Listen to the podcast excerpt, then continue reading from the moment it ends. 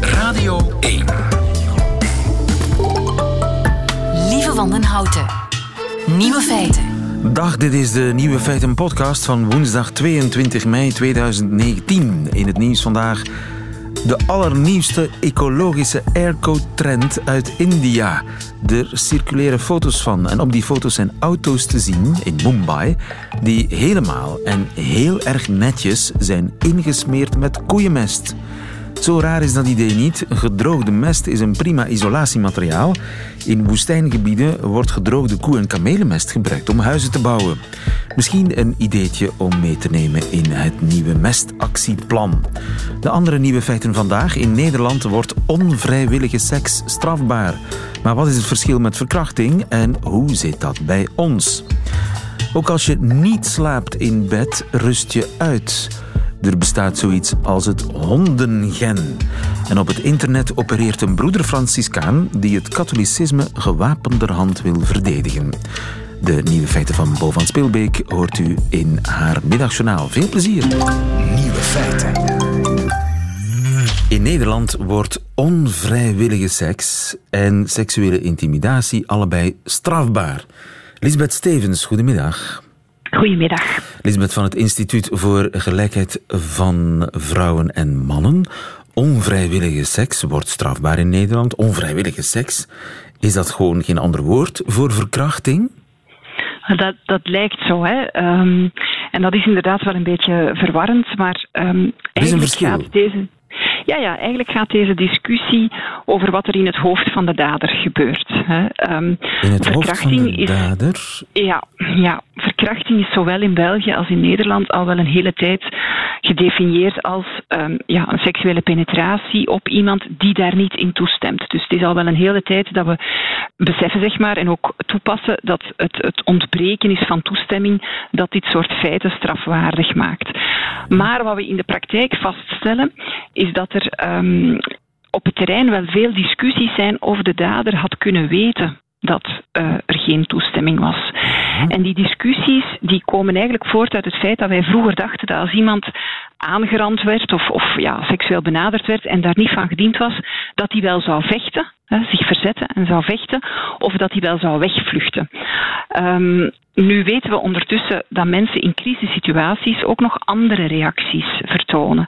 En dat is dan bevriezen, inderdaad. Hè. Uh, eigenlijk, mensen moeten zich dat niet voorstellen alsof daar opeens iemand als een plank staat of ligt, hè, maar dat je eigenlijk zo overmand bent door wat er gebeurt, dat je niet meer weet hoe reageren en eigenlijk helemaal niet meer reageert. Ja, of ik kan me ook voorstellen dat zo'n vrouw denkt van, weet je, ik, ik sluit mijn ogen, ik denk aan iets anders uh, en dat zal de snelste manier zijn om hieruit te geraken.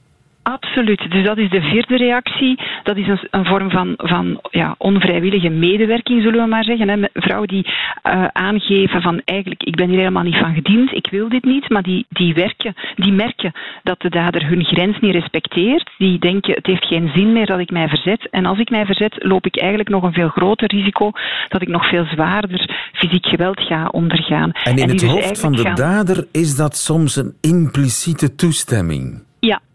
Inderdaad, sommige daders um, beweren of denken echt hè, dat, um, dat als je zo op die manier het verzet van een, van een slachtoffer breekt, dat dat eigenlijk um, dan toch een toestemming is. Hè. Dat is uh, natuurlijk niet correct.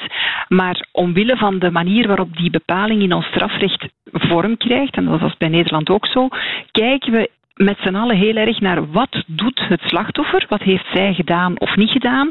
En uh, we kijken eigenlijk veel minder naar hoe de dader zich gedragen heeft. En dat is een beetje wat men nu met die wijziging in Nederland wil bewerkstelligen. Dat men eigenlijk gaat de vraag stelt: waarom dader dacht jij of waarom verdachte dacht jij dat je de toestemming had van deze persoon om seks te hebben? Dus de dader moet effectief, bij wijze van spreken, kunnen bewijzen dat hij een ja had en een expliciete ja. Wel, een expliciete ja mag je niet beschouwen als op papier en in drietje, drievoud en ondertekend. Hè. Dat kan ook volgen uit het gedrag natuurlijk. Hè. Stel dat, um, dat je een seksuele handeling uh, stelt, of je bent iemand heel passioneel aan het kussen en die persoon bevindt zich, be, begint zichzelf uit te kleden. Dat is geen schriftelijke toestemming, maar dat is wel duidelijk. Dat hè. is redelijk dus expliciet. Redelijk expliciet. Hè? Zelfs al wordt er niks gezegd. Nu, zou dus het zo zijn dat er op dit ogenblik uh, mensen vrijgesproken worden, verkrachters worden vrijgesproken op basis van, ja ja, maar ze heeft geen nee gezegd? Ja, dat is zeker zo. Hè. Op dit ogenblik, ten eerste worden er heel veel zaken waar, waarvan uh, het parket denkt van oei, dit gaan we toch nooit kunnen bewijzen, want er is onvoldoende bewijs dat, um, dat de feiten zonder toestemming gepleegd zijn. Zelfs wanneer zij het slachtoffer geloven, vreest men toch dat men niet gaat kunnen bewijzen dat de dader wist dat het slachtoffer niet toestemde. En twijfel, en dat is een heel belangrijk uitgangspunt in ons, in ons strafrecht, twijfel moet in het voort, absoluut terecht, moet in het voordeel van de verdachte uh, spelen. Dus rechters die zich met zo'n situatie geconfronteerd zien, kunnen eigenlijk tegelijkertijd denken dat het slachtoffer echt seks heeft opgedrongen gekregen zonder haar toestemming.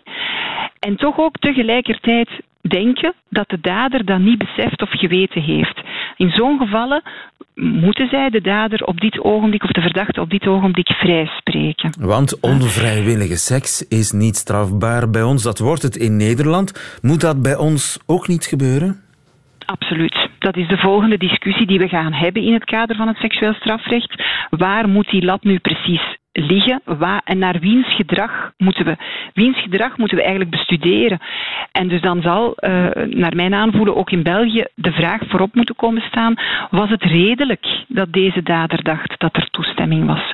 En dan gaan we in heel veel gevallen tot een ander resultaat komen dan waar we nu mee uh, geconfronteerd worden. Ja, en dat andere luik van die nieuwe wet, eh, of die plannen tot een nieuwe wet in Nederland, seksuele intimidatie. Dus dat, is, mhm. dat, is elkaar, eh, dat is vrouwen of mannen toesissen op straat, neem ik aan. En, uh, hoe, zit dat bij, hoe zit dat bij ons? Wel, daar zijn we dan uh, Nederland een stapje voor geweest, om het zo te zeggen. En daar denk ik in alle eerlijkheid dat we een van de eerste in, uh, wereldwijd waren. Onze wet uh, tegen openbaar seksisme dateert al van ongeveer vijf jaar geleden. Dus seksuele intimidatie op straat en ook op het internet, wat net nog in de media aan bod is gekomen, dat is in België al vijf jaar strafbaar. Er zijn wel een aantal voorwaarden aan verbonden, want we willen natuurlijk ons recht op vrije meningsuiting niet, niet zomaar uithollen Hè. Dus in België wordt er geëist dat het uh, om voldoende ernstige feiten gaat. Dus bijvoorbeeld iemand nafluiten zal nooit als een voldoende ernstige inbreuk op de waardigheid van een persoon uh, beschouwd worden. En, uh, en dat is ook typisch Belgisch, wij, wij houden erg aan de vrijheid van meningsuiting. En dus hebben we in deze wet seksisme ook ingeschreven dat als mensen eigenlijk in het algemeen dingen over vrouwen of over mannen zeggen, dus over alle vrouwen of over alle mannen, dat kan heel seksistisch zijn, maar dat is toch niet strafbaar, omdat we juist die maatschappelijke discussie daarover niet willen belemmeren. Het is strak gedefinieerd, maar seksuele intimidatie is uh, strafbaar bij ons al vijf jaar. We waren koploper in Europa. Nu is Nederlands ons aan het inhalen. Want zij gaan ook onvrijwillige seks strafbaar maken. Lisbeth Stevens, dankjewel. Graag gedaan. Radio 1.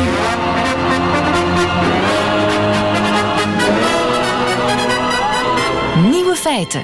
U heeft misschien ook een nieuw feit ontdekt. Dat kan natuurlijk ook. Dat kunt u gewoon aan ons melden via nieuwefeiten.radio1.be. En dat is wat Bavo gedaan heeft. Dag Bavo Mortier. Goedemiddag. Bavo, uh, niet jij, maar je moeder had een nieuw feit ontdekt. Hè? Wat denkt jouw moeder? Uh, wel, het is zo dat... Dus ik ben nog student en binnenkort staan de examens voor de deur. En ik heb het soms nogal moeilijk om in slaap te vallen s'avonds. Ja. Dus uh, met examens is dat niet zo ideaal. Lig je daar dan te woelen? Ja. Um, ik heb er met mijn ma over gepraat en zij zei dat bijvoorbeeld in de middag even op je bed gaan liggen, even uitrusten, dat dat ja, een compensatie zou kunnen zijn voor slaaptekort. Dus uh, ga niet Netflixen, nee. ga niet uh, iets anders doen. Kruip gewoon in je bed, ook al slaap je niet. Het is toch een beetje rusten. Ja, Allee, dat is toch wat dat zij zegt, maar ik vroeg me af of dat echt het geval is.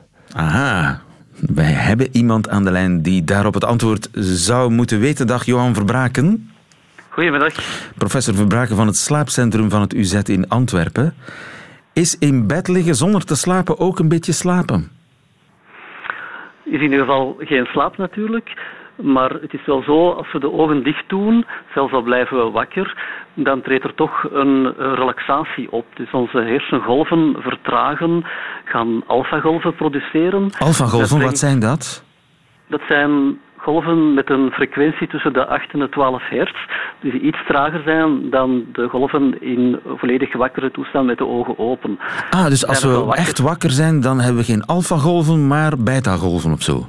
Dat zijn beta-golven inderdaad, ah, ja. die sneller zijn. Dat is een elektrische activiteit. Um, en, en voel je dat als je hersenen overschakelen op alfagolven? Dat voel je eigenlijk niet. Het enige wat wel op dat ogenblik gebeurt, is dat onze bloeddruk iets uh, afneemt. Ons hartritme vertraagt ook iets door ja, de ontspanning. Uh, ook omdat we in bed liggen in de horizontale houding, uh, gaan we toch ehm, ja, meer rusten. En uh, gaat, zijn, is er minder fysieke activiteit uiteraard ook. Ja. En gaat um, dus er zekere ontspanning en rust uh, optreden. Maar uitrusten in de zin van slapen, dat doe je niet. Het is niet dat, uh, dat je dezelfde effecten bekomt als tijdens een normale slaap. Hè. Daar heb je diepe slaap en zelfs droomslaap als die slaap langer duurt. Uh, en daar zijn natuurlijk specifieke effecten mee gepaard die we niet hebben tijdens een gewone dut of een rustpauze, zeg maar. Maar anderzijds um, kan je ook niet constant uh, gespannen zijn, de aandacht uh, vasthouden. Dus gewoon door die rustfase in te bouwen, hè, ga je toch um, de hersenen ook wat rust gunnen, waardoor dat ze nadien terug, uh, terug meer klaar zijn hè, om, om informatie op te nemen. Ja. Net zoals met een autorit, je kan tijd de aandacht vasthouden, maar iedereen weet, na een uur moet je een pauze inlassen. Uh, dat is eigenlijk ook voor onze, onze studenten het geval. Ja, ja. Dus je krijgt een soort van slaapeffect toch, ook al slaap je niet. Het is um, in ieder geval een, uh, een, periode waarin dat je, dat je rust, hè, dus dat, dat uh, spreekt voor zich. Dus je gaat in zekere zin energie uitsparen. Um, en je gaat meer energie uitsparen dan bijvoorbeeld... Uh, als, je kunt ook in de zetel naar Netflix beginnen kijken. Dat is ook rusten. Dat is rusten, maar dan heb je nog altijd wel mentale activiteit.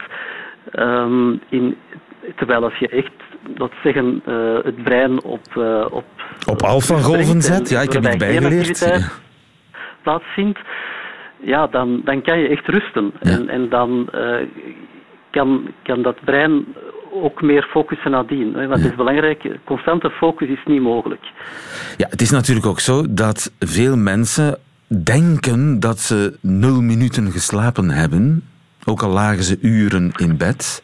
Ja, dat, uh, dat klopt. Dus uit experimenten blijkt bij zelfs gezonde personen, als je hen instrueert van een uur te slapen, dan zegt een, uh, een 10% van ik heb helemaal niet geslapen en uh, is uiteindelijk toch in de lichte slaap gekomen. En 5% is zelfs in de diepe slaap gekomen en zegt toch niet geslapen te hebben. Dus je kunt dus, soms slapen voor, zonder dat je het beseft?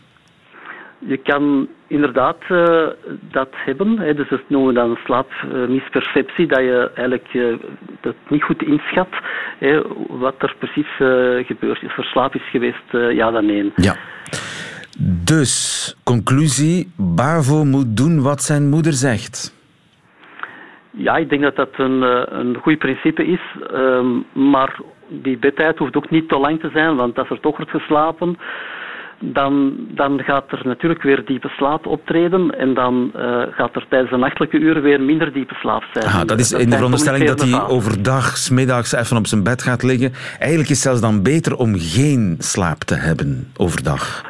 Ja, het mag, maar dan, dan spreken we van een, een powernap, hè, dus minder dan 20 minuten in principe, dan, of niet langer dan 20 minuten. Dat, dat is de ideale nap, hè, zonder dat er dan wordt... Uh, uh, ge, ge, ja, gemorreld hè, aan de nachtelijke slaap. Aan het bioritme, inderdaad. En het bioritme ook, evident. Ja, maar het is altijd beter om in je bed te gaan liggen, ook al denk je ik ga niet slapen.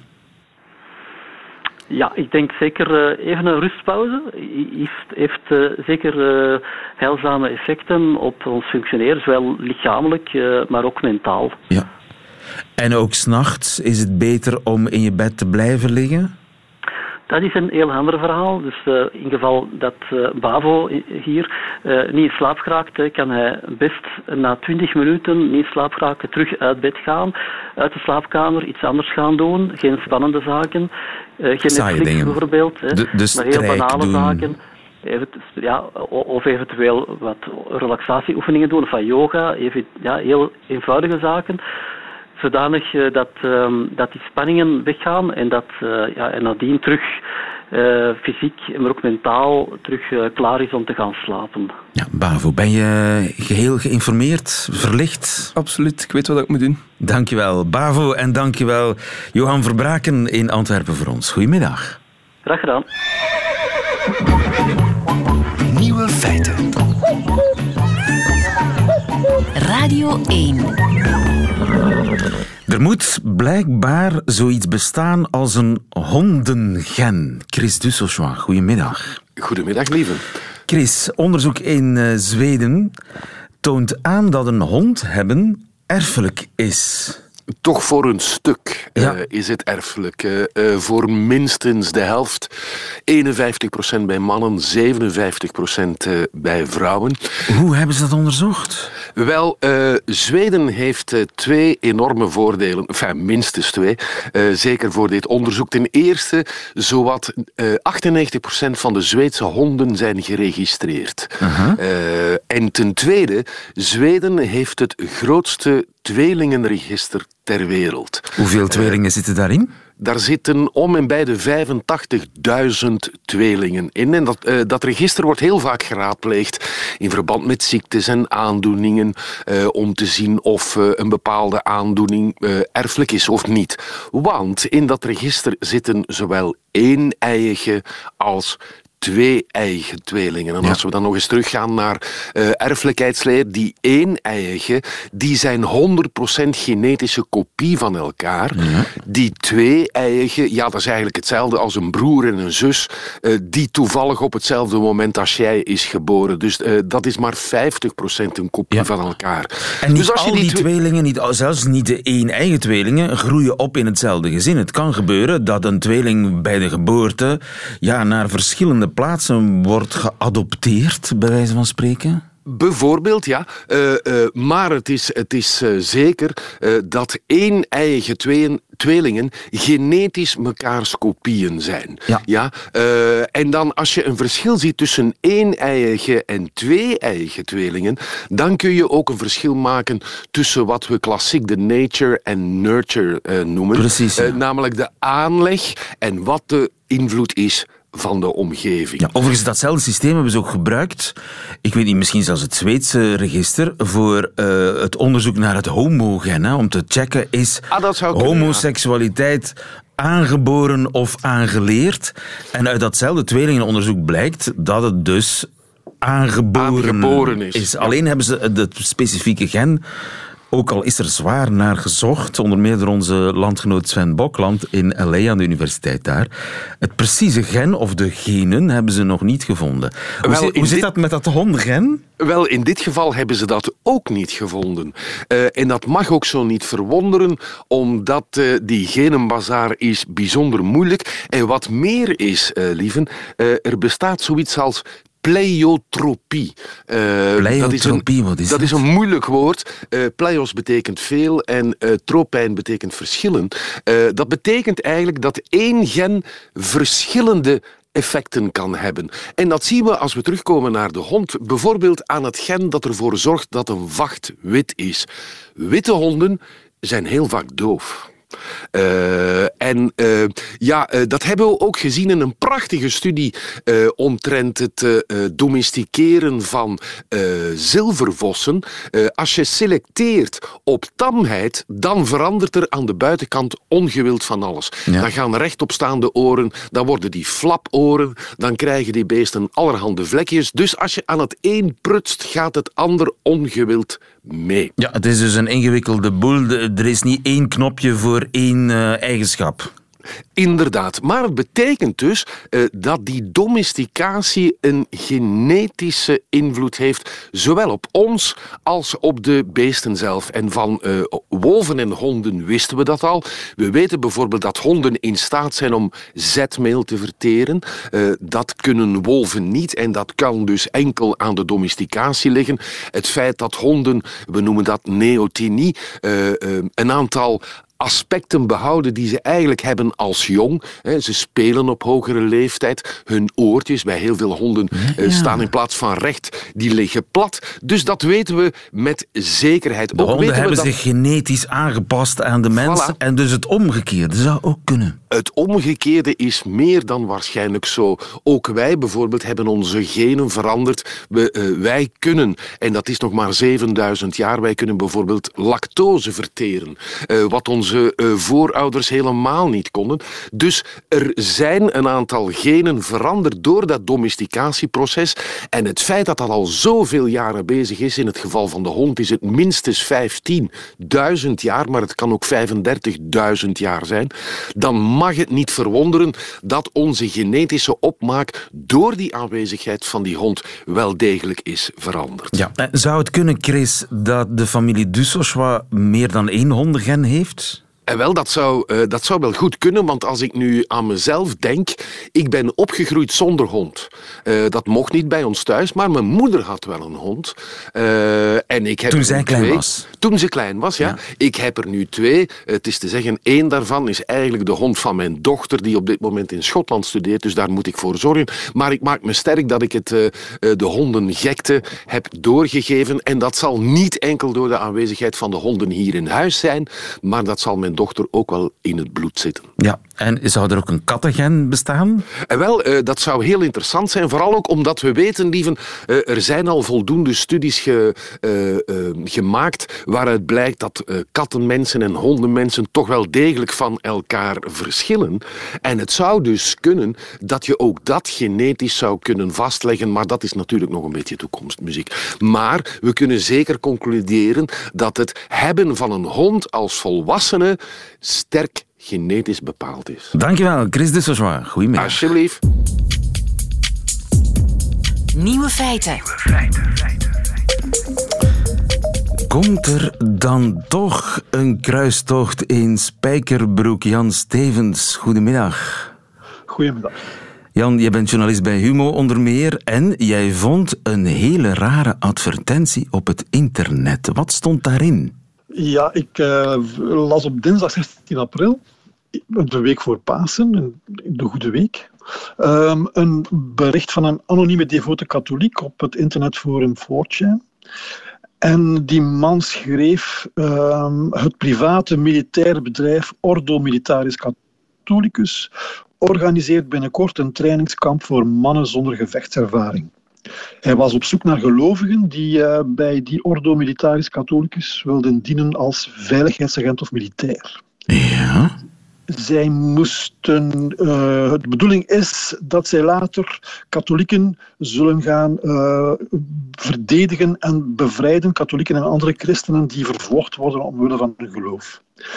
En hij schreef ook dat het trainingskamp ergens twee, twaalf weken in de Verenigde Staten zou plaatsvinden. En de deelnemers die gingen daar dan basisgevechtstraining krijgen van het Amerikaanse leger. en de paus zou zijn zegen geven? De paus en het Vaticaan zouden volgens die man hun zegen gegeven hebben. Dus een ware kruistocht in Spijkerbroek? Ja. Hij schreef ook nog dat, er, dat Ordo Militaris Catholicus op dat moment uit 100 militairen bestond. En volop aan het uitbreiden waren. En jij hebt die mens gevonden, de man die de advertentie heeft geplaatst? Uh, wel, op het, wel, ik, ik, ik, kon hem niet te pakken krijgen, dus uh, um, um, op een 30 april um, zag ik dat hij... Hij heeft echt een Twitter-account, en ik zag dat hij driftig aan het twitteren was. En ik heb toen een, een, een soort van fake-account aangemaakt, Catholicus 11, uh, de account van een ex-para, een devote katholieke ex-para die ooit in Irak gevochten heeft. En ik sprak hem, ik maakte dus die account en ik sprak hem toen aan. En uh, hij, ja, toen, toen antwoordde hij wel, meteen. ik vroeg hem hoe ik de Ordo zou kunnen helpen. En hij antwoordde ehm, kan ons op veel manieren helpen, maar wat we het meeste nodig hebben nu, dat is uh, uh, geld. We hebben katholieken nodig die willen investeren in onze ordo. Ah ja, dus dat van die trainingskampen en wapens aanwezig en zo, dat was eigenlijk helemaal niet zo. Hij moest eigenlijk alleen maar geld hebben. Ja, ja, er is, ja hij, hij, de, de Ordo heeft een, een kantoor in Montana, in de Amerikaanse staat Montana, omdat dat een wapenvriendelijke staat is, maar ook omdat het een belastingvriendelijke staat is. En dus eigenlijk is er van die hele onderneming nauwelijks sprake. Uh, er, er, er, is geen trainingskamp. Er uh, zijn ook nog geen wapens aangekocht. Hij zei ja, maar wij zijn wel al actief, want we hebben een kantoor en we hebben een website. En we verzamelen geld. En hoe zit het met die pauselijke zegen? Hij is een Franciscaan, maar hij moet van paus Franciscus helemaal niks hebben. Um, hij vindt uh, dat paus Benedictus, de vorige paus, dat dat eigenlijk nog altijd de, echte, de enige echte paus is. En hij, hij, hij beweert dat eh, Franciscus op een uh, onterechte manier aan de macht gekomen is in het Vaticaan. Uh, is hij een gek of een oplichter? Ik denk, ja, iemand zei tegen mij: het is een combinatie van beiden. Hij is een gestoorde oplichter. Um, hij is alleszins, wat mijn indruk is dat hij, hij is zeer rechts. Heeft hij succes, denk je? Hij heeft nee, meer dan 9000 volgers op Twitter, maar ik kan niet goed. Wat heeft mij, toen ik hem in het begin contacteerde, heeft hij mij onmiddellijk geblokkeerd op Twitter. Dus uh, ik kan nu niet meer controleren of hoe, hoeveel fake accounts daartussen zitten, maar ik vermoed dat, hij toch wel een deel, dat, hij, dat hij een deel van zijn volgers gekocht heeft. Tijdens mijn zoektocht heb ik contact gehad met een aantal mensen die hem kennen en die hem ook wel uh, steunen. Um, maar dat zijn allemaal zeer rechtse conservatieve Amerikaanse katholieken. En die kruistocht in Spijkerbroek die speelt zich voorlopig alleen in zijn verbeelding af. Dankjewel Jan Stevens. Goedemiddag. Uh, goedemiddag, dag. Nieuwe feiten. Middagjournaal. It's a small step for man, a giant leap for mankind. Bijna 50 jaar geleden heeft de Amerikaanse astronaut Neil Armstrong als eerste mens voet op de maan gezet. Ik zal het nooit vergeten, want op diezelfde dag won Eddy Merckx zijn eerste ronde van Frankrijk met een ongezien overwicht. 21 juli 1969, onze nationale feestdag. Ik was tien en wij waren met de jeugdbeweging op kamp in de Ardennen. We trokken naar het plaatselijke café om het allemaal mee te maken. De maanlanding, niet de overwinning van Merckx, hoewel ik het toen misschien liever anders gehad had.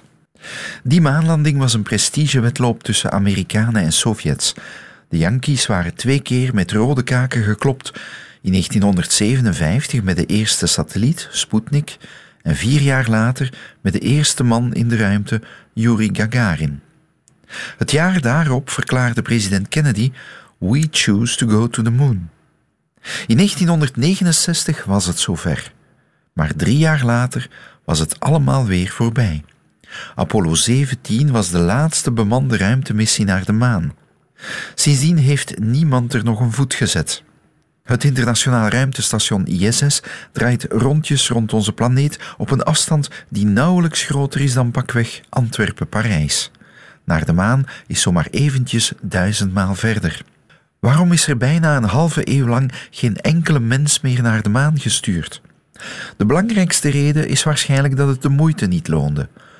Onbemande ruimtetuigen zijn intussen tot voorbij de grenzen van ons eigen zonnestelsel gevlogen, terwijl de mens niet verder geraakt is dan wat maanstenen oprapen en rondhossen met een leuk maanwagentje. Veel wetenschappers die met astronomie en ruimtevaart bezig zijn, menen daarom dat onbemande ruimtevaart veel zinvoller is dan mensen met al hun beperkingen naar de ruimte te sturen. Zes jaar geleden heeft de Amerikaanse Voyager 1 als eerste sonde ons zonnestelsel verlaten, na een reis van liefst 36 jaar en 18 miljard afgelegde kilometers. Ik wil niet weten hoeveel picknicks astronauten voor zo'n lange trip zouden moeten meenemen. Feit is dat de opbrengst van bemande ruimtevaart voor de mensheid redelijk beperkt is. De snoerloze boormachine, de infraroodthermometer of sportschoenen met lucht in de zool, het is allemaal fijn, maar ook niet zo baanbrekend. Ook over de zin van onbemande ruimtevaart kan je vragen hebben, maar die heeft ons toch al meer inzicht gegeven in het ontstaan van onze eigen aarde en dus van de mens. Maar zoals ik zei, mensen in de ruimte krijgen, op de maan en later op Mars, is prestige. En dus de moeite waard voor politici op zoek naar een plaats in de geschiedenisboeken. Onlangs kondigde de Amerikaanse president Trump aan dat hij in 2024, voor het einde van zijn beoogde tweede ambtstermijn, mensen op de maan wil krijgen. Net als Kennedy opnieuw vooral prestige. Maar China, dat begin dit jaar als eerste land een sonde op de achterkant van de maan geland heeft, droomt ook van mensen op de maan. Ik ben benieuwd wie het zal halen.